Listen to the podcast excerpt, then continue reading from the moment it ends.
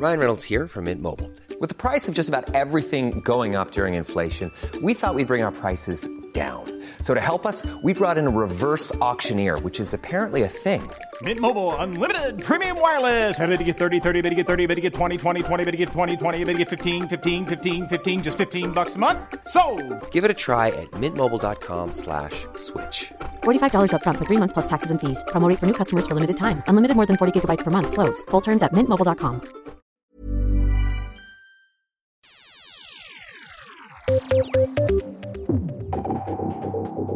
Civita-rådgiver Aslak Versto Storsletten mente at eh, barn av Gen Z er skjøre og lettkrenka. Han peker på at det kan være grunnet mangelen på snøballkrig, Kongen på haugen og lekeslåssing i oppveksten. Bør barn slå og skade seg litt mer? Elon Musk tok nylig over Twitter. Er ytringsfriheten reddet? Gaming blir sett på som en frisone, men nå viser en ny studie at gamere er mer tilbøyelige for rasisme, kjønnsdiskriminering og høyreekstremisme. Er det grunn til å frykte for gamerne? Du hører på Etikk og estetikk. Podkasten er tilbake i sin fjerde sesong og femte episode. Produsent er Adrian Eriksen, researcher Peter André Hegg og programleder det er meg, Danby Choi.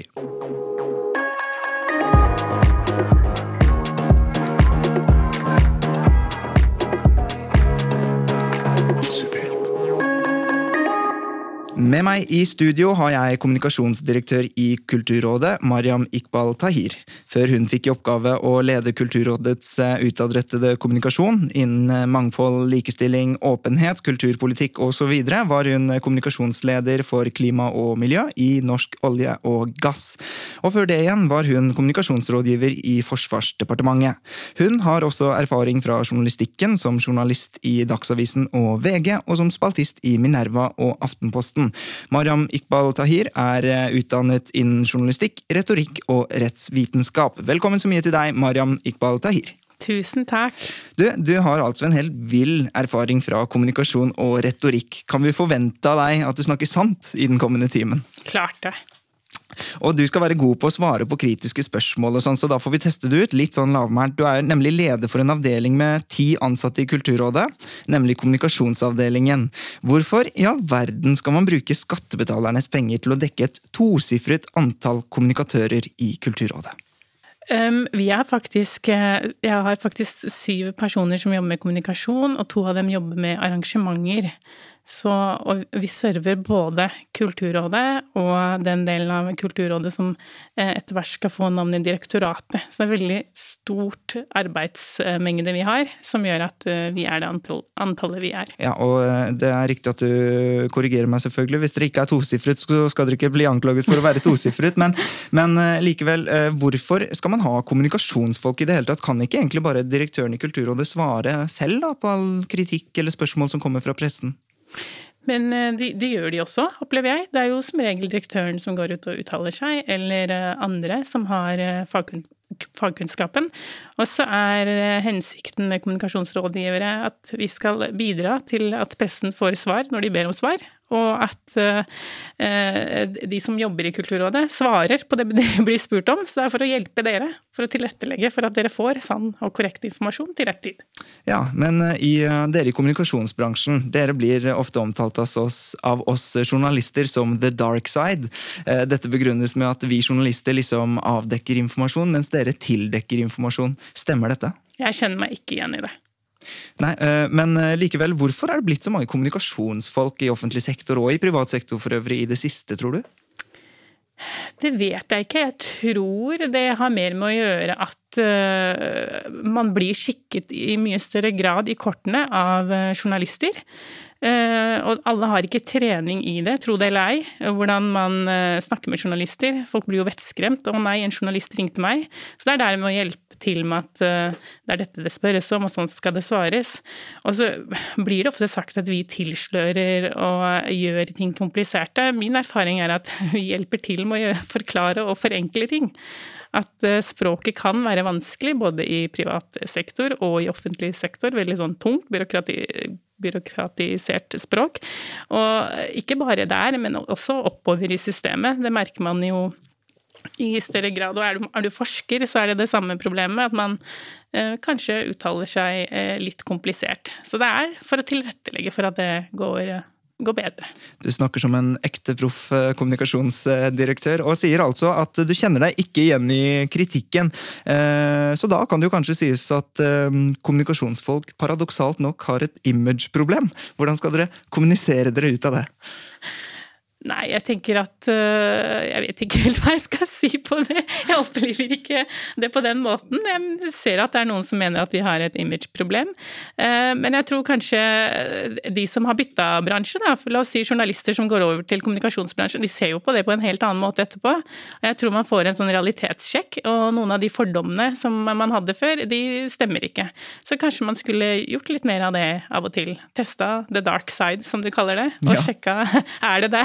Er det så ille der som man tror? Ja, for det er, det, er, det er, liksom det det går i. da. Vi journalister, eh, i hvert fall for noen år siden, så ble vi jo ikke ansatt. Så det var veldig mange som gikk over til kommunikasjonsbransjen i stedet, og da var det liksom the dark side, da sa journalistene. Men det var da i det minste lønn der. Eh, din, men jeg har lyst til å eh, spørre deg, du skal få svare på det også. Men hva er den største utfordringen med å kommunisere kunst og kultur til folk flest? Jeg tror det jeg syns, eller som jeg ønsker å jobbe litt med, er hvorfor det er viktig. Um, det syns jeg er liksom det vanskeligste. Mm. Og noen vil kanskje si at det er lett, men jeg syns det faktisk er det vanskeligste. Hvorfor det er viktig. For de innvidde er det kanskje lett, mens for sløseriombudsmenn fra Elverum er det litt vanskelig å få kommunisert. Men hva er norsk uh, kultur for deg? Norsk kultur? Jeg tenker at det kan være så mangt for så mange forskjellige folk. Jeg tenker det er uh, Nei, vet du hva, jeg, jeg, klarer ikke å si en ting. Jeg ikke å si, Det typiske er jo at man sier brunost og ski og alt det der. Jeg tenker ikke på det. Jeg tenker mer på sånn demokrati og ytringsfrihet, og vi har samfunnsdebatter, og, og, alle kan være seg selv, og det er mangfold, og det er veldig stor takhøyde.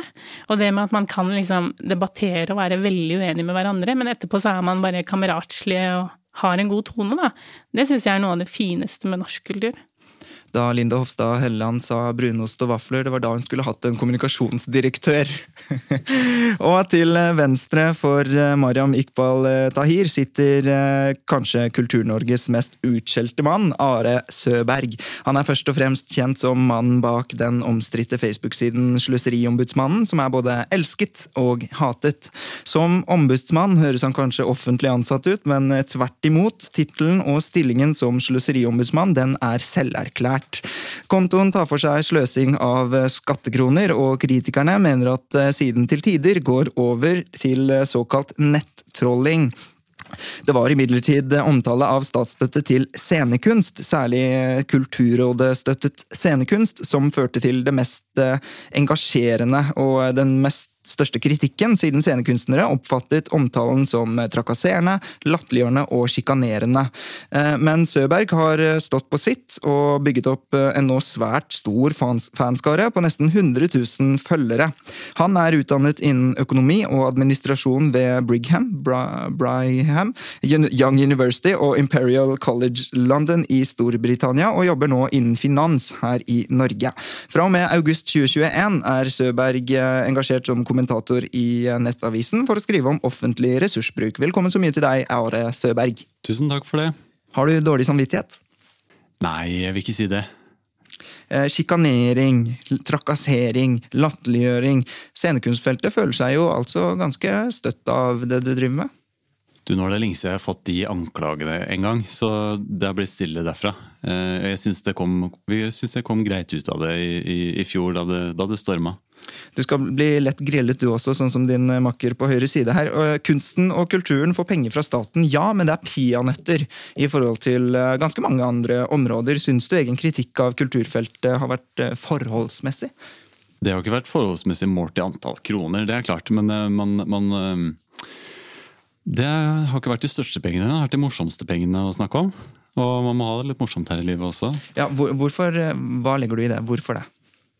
Det er, det, det er, det er vanskelig å forklare, men det var, det var mm, jeg, jeg, tenker at hvis man ønsker å bruke ja, veier, f.eks., der forsvinner det milliarder. Men der, der forstår folk flest at, at man, man, ønsker å bruke pengene på noe godt, og så går det kanskje gærent noen ganger. Men så føler Ja, nå snakker jeg på vegne av andre, men, med kunsten så er det mm, det, det det kunne ikke blitt bra, på en måte. Her er det sånn veldig forsettlig sløsing. Litt på samme måte som vet ikke om du husker For noen år siden så var det en, en blogger eller influenser som satt og spiste hundrelapper. Og det halve Norge raste over det. Jeg kunne sagt det samme at de pengene, den hundrelappen var ikke mye, men det er noe provoserende med å se at noen helt forsettlig sitter og tygger i seg en hundrelapp. Eh, det er noe annet enn noen som prøver å gjøre noe godt ut av det, og, og, og ja, sløser bort en hundrelapp eh, som et uhell. Men forsettlig, sier du. Eh, Jeg vet ikke om eh, hele Norge er med deg på akkurat det, og det er jo ganske stor tverrpolitisk enighet om at kunst skal støttes, også fordi at man ikke ser liksom verdien av det nødvendigvis umiddelbart. Hva tenker du om det? Det er for så vidt riktig at de fleste partier er, er enige om det.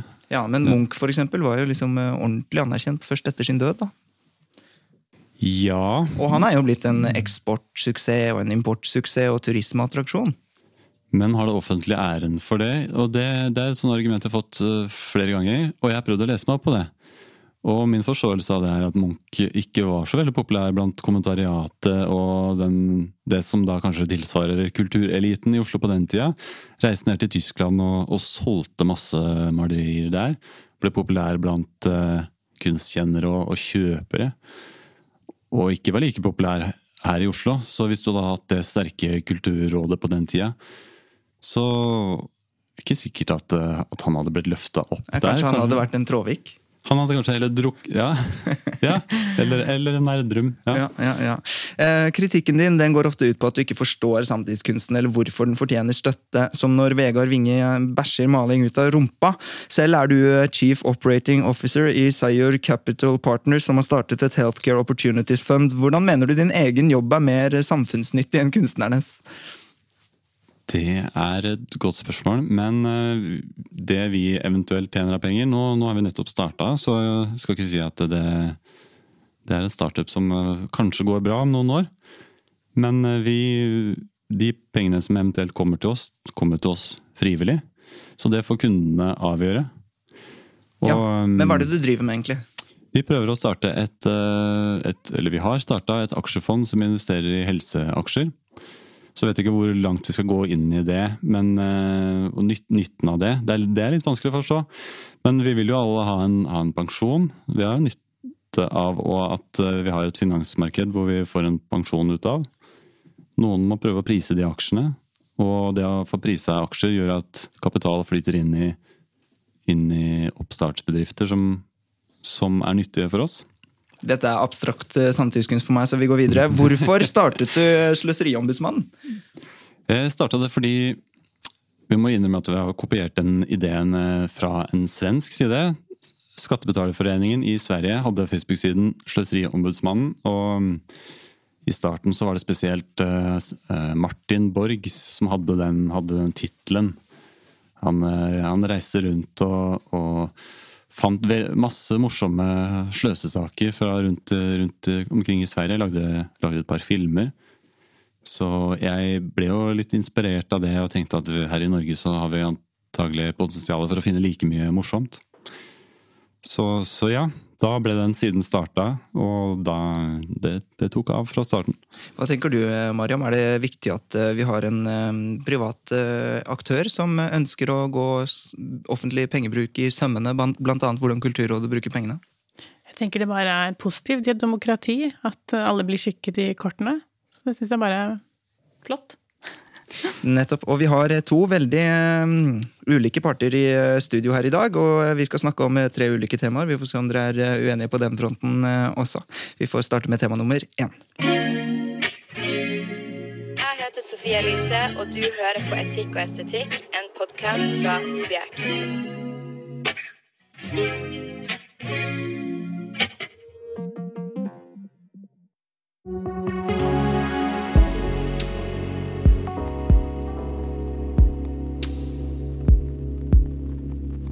Civita-rådgiver Aslak Versto Storsletten mener at barn av generasjon Z, Gen Z, er skjøre og lettkrenka.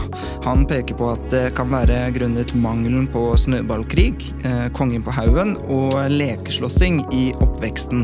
Bør barn slå og skade seg litt mer, Mariam? Nei. Hva synes du, Are? Ja. Eh, Du sier nei. Hvorfor det? Jeg tenker at eh, barn ikke bør slå seg eller skade seg, men det de definitivt bør gjøre mer av, er å leke. Eh, Å leke er ikke identisk med at du skal slå deg eller skade deg. Eh, Og når vi sier at eh, barn bør skade seg og slå seg mer, så tenker jeg at da er vi med på å bestemme hva den leken skal være. Og da gjør vi det vi mener at man ikke skal gjøre, da. Så viktig at barn får leke fritt og spontant, og at de bestemmer leken selv. Det er jeg veldig enig i.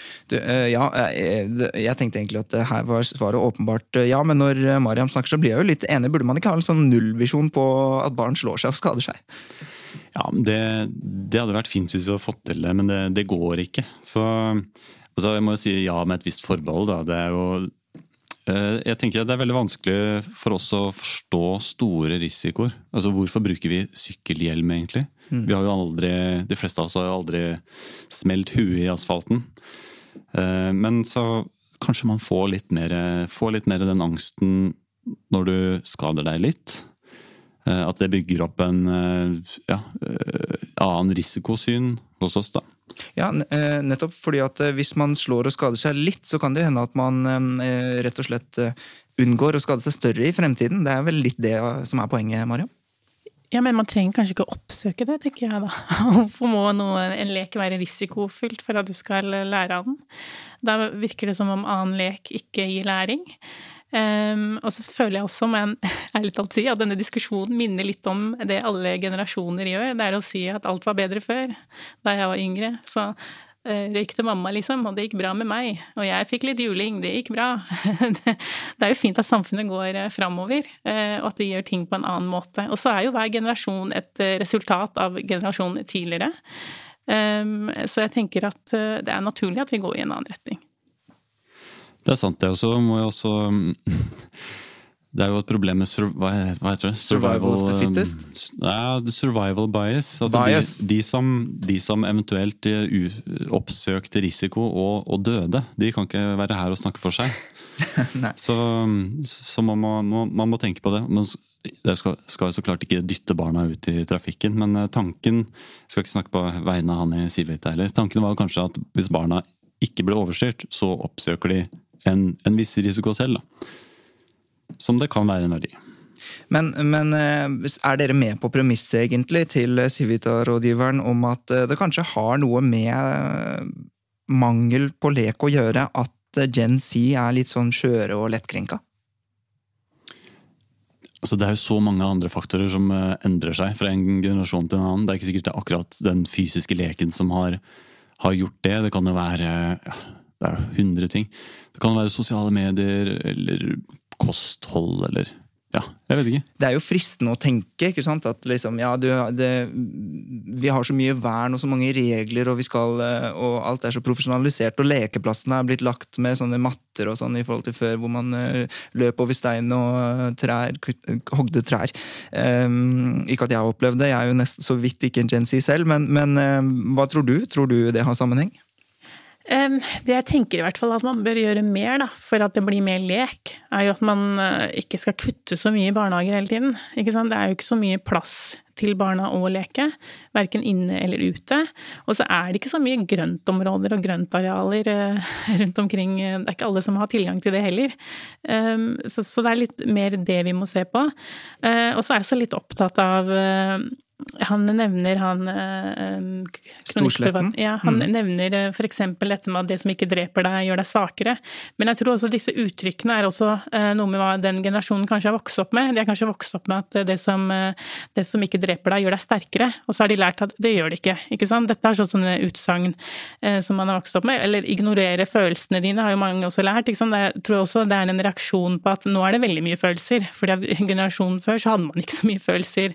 Og det samme med at alle vil deg godt, på en måte. Nei, de vil ikke det. Så jeg tror eh, den Gen, Z, at de er, eh, det er en reaksjon på det der at vi ser nå at eh, de har snudd, og det er veldig mye følelser og den biten der som pågår. Ja. Eh, I boken Lek og læring i et nevroperspektiv går forskerne Charlotte Lunde og Per Brodal gjennom forskning som viser eh, betydningen da, av lek. Og de kommer frem til at eh, en, vi lever i en tid med så mye splittelse og hvor sosial kompetanse og samarbeid er viktigere enn noen gang. Um, leken er den mest effektive måten å utvikle seg til å bli et menneske som skal greie seg i samfunnet, sier han. Uh, så du oppfordret uh, jo til lek, men har vi for lite lek? Til eh, å egentlig passe inn i det som kreves oss som voksne mennesker i ettertid? Ja, ja, nå skal vi kanskje senere snakke litt om gaming. Så det kan jo være at den gamingen har slukt en del av tiden som gikk til fysisk, fysisk lek, og at noe av forklaringen ligger der. Og så får jeg litt lyst til å dra inn et eksempel, eh, nå skal jeg ikke bli for personlig, men eh, nå på min, min skole her nå, så nå har jeg jo et barn på skolen. og alltid vært så overraska over hvor utrolig harmoni det virker å være i klasserommet i forhold til hvordan det var da jeg, da jeg var liten. Mm. Eh, så hørte jeg nå, nå, nylig at det hadde, vært, det hadde vært en krangel på fotballbanen. og da ble det umiddelbart satt inn tiltak hvor en, en lærer står og observerer fotballkampen og sørger for at, uh, sørger for at det velges lag på reglementert måte. Ja, nettopp, nettopp. Som, eh, altså jeg, skal ikke, jeg, skal ikke, si noe, ikke, Det er ikke det at jeg har opponert mot det eller blander meg inn i det, men det var så fascinerende greie, da. Kanskje, kanskje det, det, det, er klart at det bidrar til harmoni på kort sikt, men da lærte ikke de å ta den, ta den konflikten sjøl og rydde opp. Så det kan jo ha eh, effekter på lang, lang sikt. Ja, for det er jo det, de, det Storsletten um, frykter litt her. At vi blir litt sånn ubrukelige. Fordi at alt uh, Vi har puter over under armene, som man sier. Eh, du har selv eh, barn, eh, Mariam? Ja, han slår jo seg og faller om dagen, så det er jo ikke noe jeg kan gjøre for å stoppe, stoppe det han enn i og lærer sjøl. Eller prøver å krabbe og gå den biten der. Men det jeg syns har vært litt sånn interessant, er jeg leste en artikkel av to barnepsykologer, Willy Tore Mørk og Magne Raundalen, eh, eh, der de kritiserte DN for en lignende artikkel om eh, bomullsbarna. Og han mener at dagens foreldre de er de beste noensinne. Og viser annet til statistikk som viser at barn dør mindre i trafikkulykker osv. Så, videre. så han er litt sånn Men hva er det man vil? At barn skal skade seg? Er det det samfunnet vi vil tilbake til? Og så kan det hende at man er ekstra forsiktige, jeg vet ikke. Eh, men jeg syns det var et eh, godt eksempel som Are kom med, da, eh, fra den skolegården. Er det også sånn at lærere er veldig redde for foreldre, tenker jeg da? At hva foreldre vil si. At det gjør Vi har jo hatt mye fokus på mobbing også de siste årene. Er det det som også gjør at de er mer forsiktige? At det er egentlig ikke barna, men det er mest foreldrene de er redde for. Men det er jo noen, eh, noen, ting i næringslivet kan jeg se for meg, og i livet generelt, hvor det er en styrke, egentlig, at man tar litt risiko. Er det en, veldig, er det en fare for at eh, vi i fremtiden eh, ikke har en veldig svak risikomuskel? Men risiko trenger ikke å være knyttet til slåsskamper, tenker jeg da. Du tar jo en risiko. Jeg vet ikke, hvis du syns det er skummelt å skli, tar du en risiko. Du tar en risiko hvis du går bort og sier til noen hei, for du kan risikere at ja, de ikke vil si hei tilbake. Ja, så risiko kan jo være veldig mye. Det ja, men det kan også være ideer som revolusjonerer ja, et eller annet. ikke sant? Mm. Også hvis man ikke tør å Eller at man f.eks. unngår kanskje sin store kjærlighet fordi man ikke turte å si hei. Mm. Ja, sant. Jeg tror det er viktig å ikke tenke, å ikke tenke helt lineært. Det kan være at noe er um, I små mengder er det bra, altså altfor store mengder er det dårlig. Sånn er det jo med, med ting vi spiser. Salt, eksempel. Vi kan spise litt salt, det må vi ha. Spiser vi altfor mye, så er det kanskje ikke så bra. Og sånn er det vel med, med, mye sosiale ting også. Så kjedelig. Det skulle vært et mye tydeligere svar her. Nei da.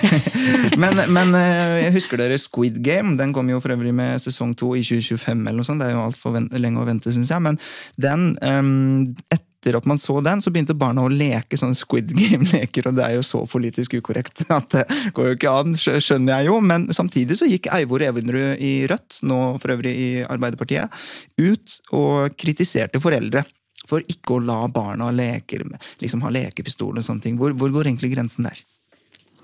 Resten går vel på ekte pistol til, til barna.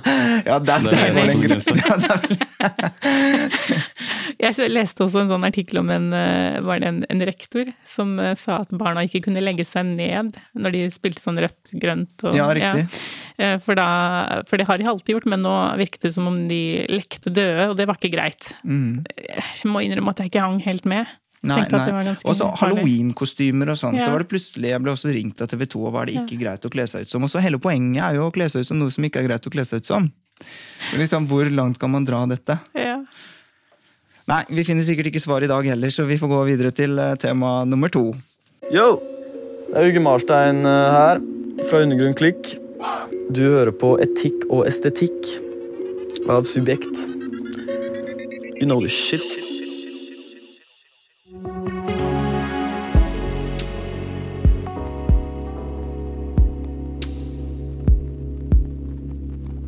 Elon Musk tok nylig over Twitter, og da er spørsmålet er ytringsfriheten reddet, Are Søberg? Ja. Fett. Hva tenker du, Mariam? ok, da får du lov å svare, Are. Så bra. Da er jeg spent. Ja, det det er vel ikke redda en gang for alle. Men jeg tenker jo at det var morsomt, og det var et framskritt. Eh, både for han har en, Jeg tror han har en god intensjon rundt det. Eh, altså, så klart jeg er ikke redda for alltid, men, eh, men jeg, jeg syns det var et, et steg i riktig, riktig retning, da. Og hvorfor det? Hva er det de forrige gjorde galt? Og som han gjør nå, riktig, gjør, nå gjør riktig? Mm, det var um, Ja, hvor skal jeg gå inn på spesifikke saker? Ja. Ja, jeg syns for eksempel at det har vært en litt skjev praksis med praktisk Praksis. praksis med hvem som har fått uh, sletta kontoene sine der. Som um, ja, Trump? ja, Trump, det kan man si.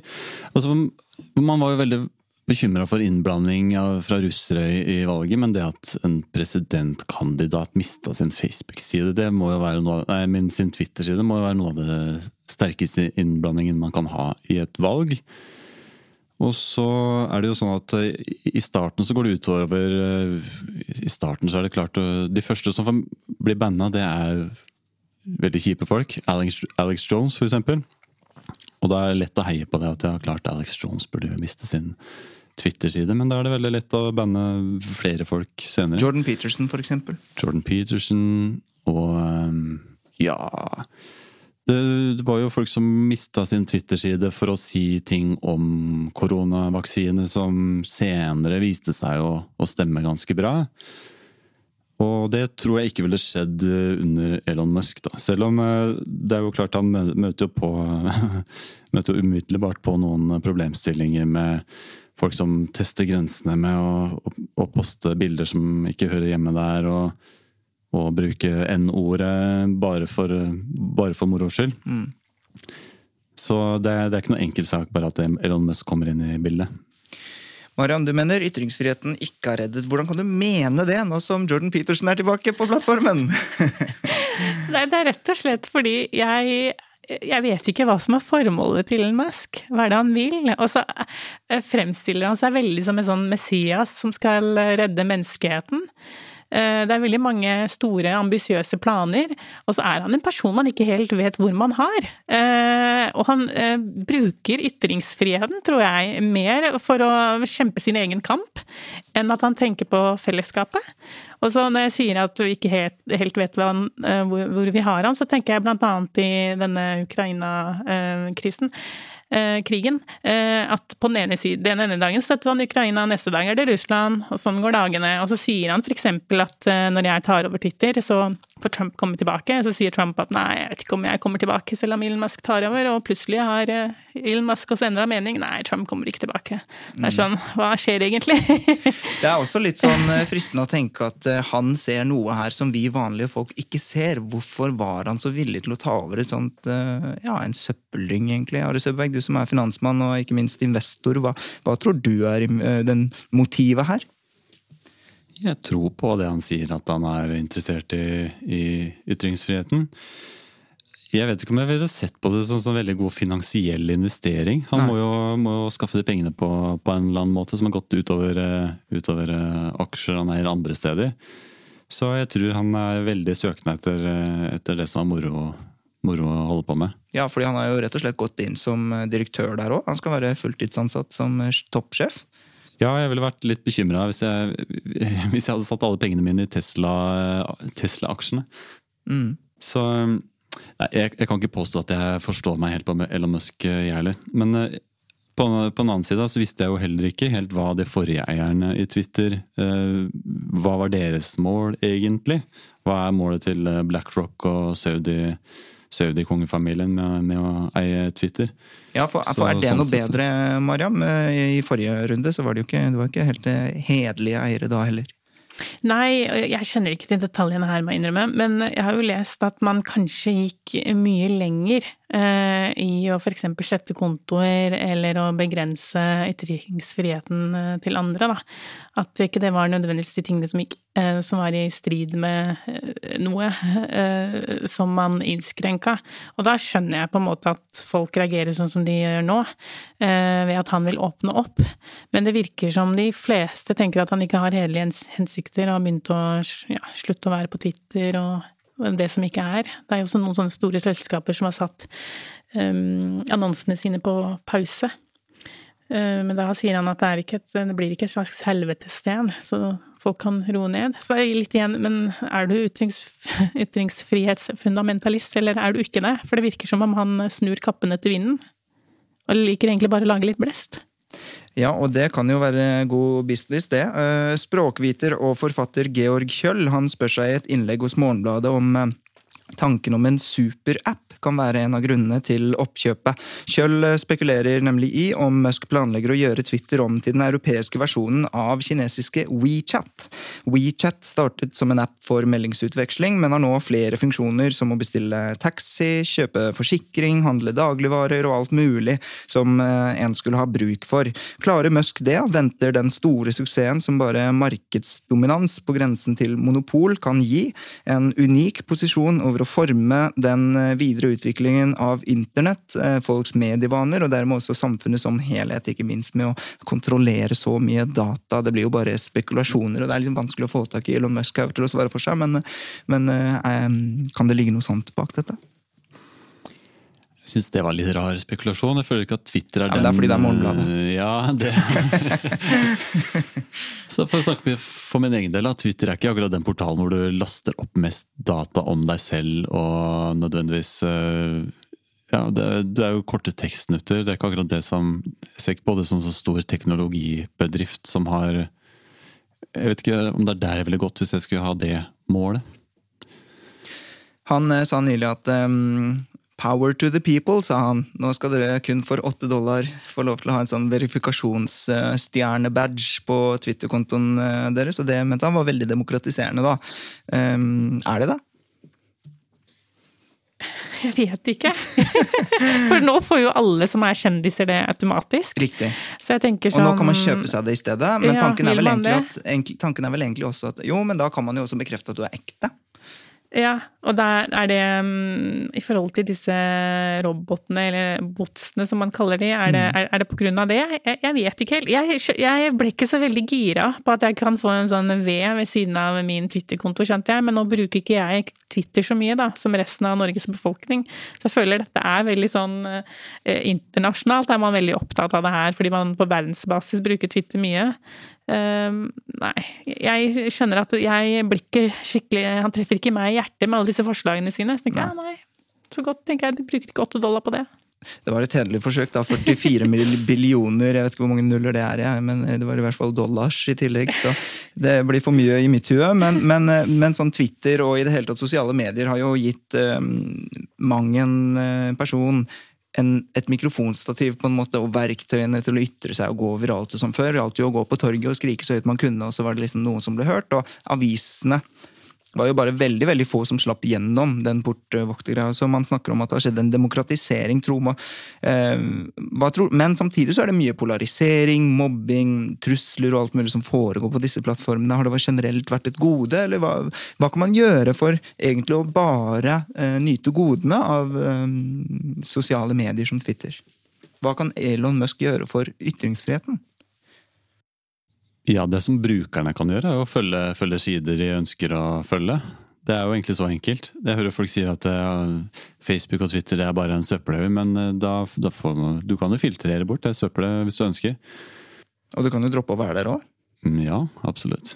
Men da, går du, men da går du glipp av veldig mye. Ja, og da, Det kan man vel ikke skylde på Elon Musk og Mark Zuckerberg for? Nei, absolutt ikke. Jeg hører mest om Twitter, da, at det er eh, der folk sier at det begynte etter hvert å bli en søppeldynge. Så man forsvant derfra. Så bruker det i mindre grad, men at folk er på Facebook. Og så er det noen som mener at det er nå, nå begynner Facebook å bli en søppeldynge, så da begynner du å gå til LinkedIn. Så det er eh, interessant hvordan folk forflytter seg. Ja, LinkedIn er i hvert fall en søppeldynge. Herregud. Og der, der kan du lansere sånne verification badges der tror jeg folk er villige til å betale mye for sånne sertifiseringer, altså. Det er kanskje ja. den, planen, den forretningsplanen må han bruke der. Rett og, slett, rett og slett. LinkedIn er det nye heitet, det hørte du først i subjekt.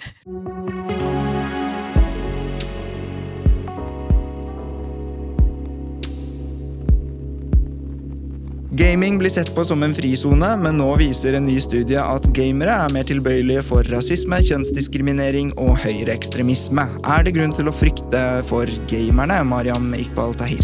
Nei. Hva synes du, Are Søberg? Nei.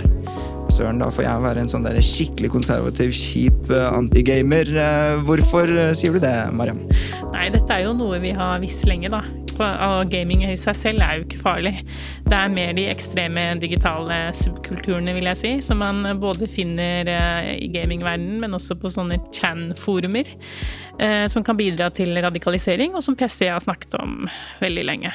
Men disse er jo å finne på gamingplattformer. Burde man ikke i bekjempelsen av noe så problematisk som rasisme, kjønnsdiskriminering og høyreekstremisme egentlig bare luke bort litt ekstra, for å være sikker på at vi ikke får noe mer av det? Det kan man jo si om mye annet eh, her i samfunnet også, da. Man kan jo si at eh, vi burde ikke selge alkohol, fordi at noen, eh, noen, når de får det i seg, så begynner de å gjøre straffbare ting. Så jeg er ikke helt med på den tankerekken der. Egentlig ikke jeg heller. Men uh, hva, hva, hva, med deg, Are? jeg får alltid en trang til å prøve å lese selve studien når jeg ser overskrifter. For jeg vet at det kan skje veldig mye fra en spørreundersøkelse gjøres til det blir en overskrift. Nei, nei, nei, i, i vi journalister gjør ikke sånn. Oh, nei, nei. Så jeg prøvde å lese den studien, og jeg forsto det som at man sammenligner egentlig ikke gamere med vanlige mennesker. Så litt rar konklusjon. Vi kunne heller ikke se, så vidt jeg kan se, hvilke spørsmål de her gamerne ble stilt, og det gjør meg litt skeptisk. Men det var, det var jo et poeng at metodikken var at de, de sammenligna de mest ivrige gamerne. La oss si at du gamer ti timer om dagen. Da ble du ranka som en supergamer. Da ble du sammenligna med en som kanskje spilte Minecraft i 20 minutter. Og da var det da de supergamerne som kom dårlig ut, eh, ikke bare på rasisme og sexisme, men egentlig på alt som er negativt. ja. Og og så lurer jeg litt på eh, ja, hva slags Nå skal ikke jeg karakterisere mennesker som gode og dårlige, men eh, det er jo kanskje en viss type mennesker som da har tid til å gjøre ti timer om dagen med gaming. Kanskje samme resultatet ville være om du så på de som satt ti timer om dagen og spilte piano. Så hvorfor har du tid til å sitte ti timer om dagen med gaming? Det er kanskje fordi at du har andre problemer som gjør at du ikke har arbeid, ikke har et sosialt liv. Og det vil jo være en gruppe mennesker som scorer dårlig på slike måltall. Så om du da, om du da rev, rev PC-en vekk fra de, så Det er ikke sikkert at det er blitt bedre av det. Kanskje det er bedre at de sitter foran PC-en og skriker de rasistiske tingene, enn at de går ut på gata og gjør det. Nettopp. Eh, og så, eh, Du nevnte piano, men jeg er ikke helt enig, tror jeg. For I hvert fall i min koreanske familie. Hvis, eh, noen får høre at, hvis moren min får høre at en annen koreansk familie i Norge har en sønn eller datter som spiller ti timer piano om dagen, så hadde det blitt forgudet og skammelig av meg som er ute og drikker øl. og Hvorfor er ikke du inne og spiller piano hele dagen? Men gaming hadde jeg aldri fått lov til å drive med i ti timer. Der har, har vi egentlig og, og vi Våre foreldre sa jo at alle gamere skulle få firkanta øyne og sånn. Skylder vi dem en unnskyldning? Vi, ja, jeg har ikke testa, gamet så mye, så jeg vet ikke. Men, Nei, men ingen har jo fått firkanta øyne, og de, de har jo fått en skikkelig Mm. sånn um, kjip status da, i, mm. i samfunnet. Men, Eh, men du går med briller nå? Ja, det er sant! Men det tror jeg er fordi jeg er redaktør i Subjekt. Altså jeg sitter mye foran de firkanta skjermene på grunn av det. Altså, Problemet var vel ikke øyehelse, antagelig. Nei, hva var det da? Å uh, oh, ja, ja, nettopp. Mm. ja, bare for å snakke på vegne av foreldre. okay. Men, men, Jeg tar den rollen. ja, men, men du nevnte annet eh, at, eh, ja, masse, at man er tilbøyelig for det, og hvis man sitter ti timer osv., har gamerne på en måte blitt eh, de nye taperne i samfunnet? Eller at det er taperne som blir gamere, som kanskje er tapere foran skjermen i stedet for å være tapere ute på, ute på gata og gjøre hærverk, kanskje. Mm, jeg tenker at eh, litt sånn som Dare var inne på, at eh, det som gjør at eh, de blir lett påvirkelige, er jo at det er ensomhet eller andre ting som gjør at den tilbøyeligheten ligger der. Og det har jo mye med sånne incels og sånn å gjøre også, som han har snakket om i flere år. Som, eh, er, men jeg har litt lyst til å sympatisere med han Fabio, som er um, leder for et populært e-sportlag, eh, som eh, gjør det veldig bra. Eh, og henter sine egne penger fra sponsorer og alt mulig sånn. Og de, han bestrider jo veldig den undersøkelsen, da, så det er jo alltid litt kjipt å bestride en forskningsartikkel, men han gjør det likevel. Eh, og han mener at dette mm, Eh, Dette, har, dette er knyttet til andre sider av internettkultur og ungdomskultur. Selve aktiviteten i seg selv er ikke skadelig, det handler heller om omstendighetene og holdningene man i visse tilfeller er rundt i noen gamingmiljøer, sier han. Har han rett? Ja, absolutt. Eh, Jeg tenker for eksempel han Breivik spilte jo syv timer. eh, Call of Duty. Og sa at han forberedte seg på terroraksjon eh, ved å se på den og simulere eh, krig. Så, men alle er jo ikke Breivik som sitter og spiller dataspill, så det er veldig viktig at man skiller mellom de som har det som hobby, og de som egentlig sliter i samfunnet fra før av, som går inn der. Og det er aktører som eh, sitter der og venter på å kunne påvirke andre til å bli terrorister. Fordi samfunnet har blitt mer digitalt. Og det er en av de arenaene som brukes nå til Og ikke bare brukes det, men eh, næringslivet ønsker flere jobbsøkere jobbsøkere som faktisk har gamingkompetanse. Forskning viser eh, eh, at arbeidsgivere nå ser mer etter såkalt 21st century skills. Som eh, samarbeid, kommunikasjon og kulturforståelse og kritisk og kreativ tenkning. eh, Noe man får eh, av å game mye, blant annet. Så hvis man veier liksom den, det der, at man søker det, samtidig som at mange ønsker at du ikke skal spille så mye spill, er dette noe dere vil oppfordre deres egne barn til å sette på CV-en? Masse gamingerfaring. Som foreldre, altså. Og det vil si du mener det. Det, det sitter litt langt inne, ja. Ja. Men uh, nå er det ganske mange år til eh, mine barn skal begynne å skrive en CV, så det, det er ikke noe jeg har tenkt veldig over. Og så kommer det så klart veldig an på hva slags spill man spiller, og noen spill er sosiale, noen handler om samarbeid. Spill det er, det er et univers, det også, som er uh, Som ikke kan defineres helt på én måte. Men, eh, men ja, det, det er klart det kan være noe positivt rundt det. Spesielt når det begynner å bli en kultur rundt det å ha, ha lag. Og bare det å bygge opp et lag, det er, det er en, det er en Det er, veldig mye, øvelse. det er veldig mye strategi i spill, og i hvert fall når man er lag. Altså. Når du da skal eh, ansette dine tosifrede kommunikatører i Kulturrådet, ville du vektlagt eller em, sett positivt på gaming på CV-en? Jeg må innrømme at jeg har ikke så mye erfaring med gaming, men jeg har lest meg litt opp, eh, opp på det jeg, før eh, vi møttes her.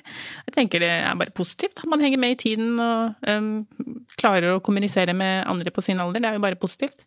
Eh, og jeg er ikke i tvil, selv om jeg, jeg, jeg er ikke i tvil om at gaming er bra. det, er, det er mye bra med det. Eh, det kan være både gøy, og så kan man mestre stress på en bedre måte. Fin avkobling for mange. Og eh, jeg leste en sak om at eh, for to år siden så ble dataspill offisielt godkjent som medisinsk behandling i USA. Det syns jeg var litt sånn morsomt. Eh, og etter en måneds gaming så hadde hvert tredje barn med ADHD ikke lenger målbare oppmerksomhetsproblemer. Så det er jo kjempeinteressant. Veldig. Så jeg syns gaming har fått for dårlig rykte, rett og slett. Og det er jo på grunn av disse terroristene og disse som blir radikalisert. Men de fleste holder ikke på med det der. Så bare ta det med ro. Så bra. Det er en eh, fin avslutning, det. Ta det med ro og spill med god samvittighet. Eh, Og med det har jeg lyst til å si tusen takk for besøket til eh, Mariam Iqbal og Tahir og Are Søberg. Du hører på Etikk og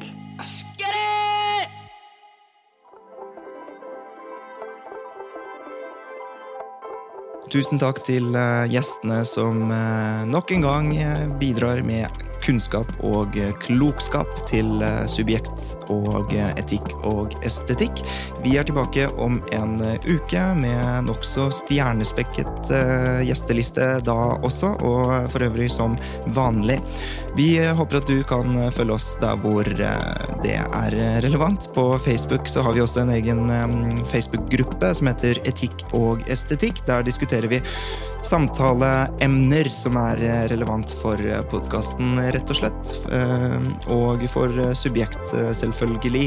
Eh, Det er også veldig hyggelig om du kan eh, legge igjen en eh, sånn stjernerangering på Apple Podkaster, om det er der du hører på oss, eller anbefaler anbefale podkasten videre til den eh, du eh, ønsker å gjøre det til. Ellers så har jeg lyst til å si tusen takk til eh, Fritt Ord, som eh, siden start har støttet Subjekt, men også podkasten Etikk og estetikk, og spesielt eh, sesong fire.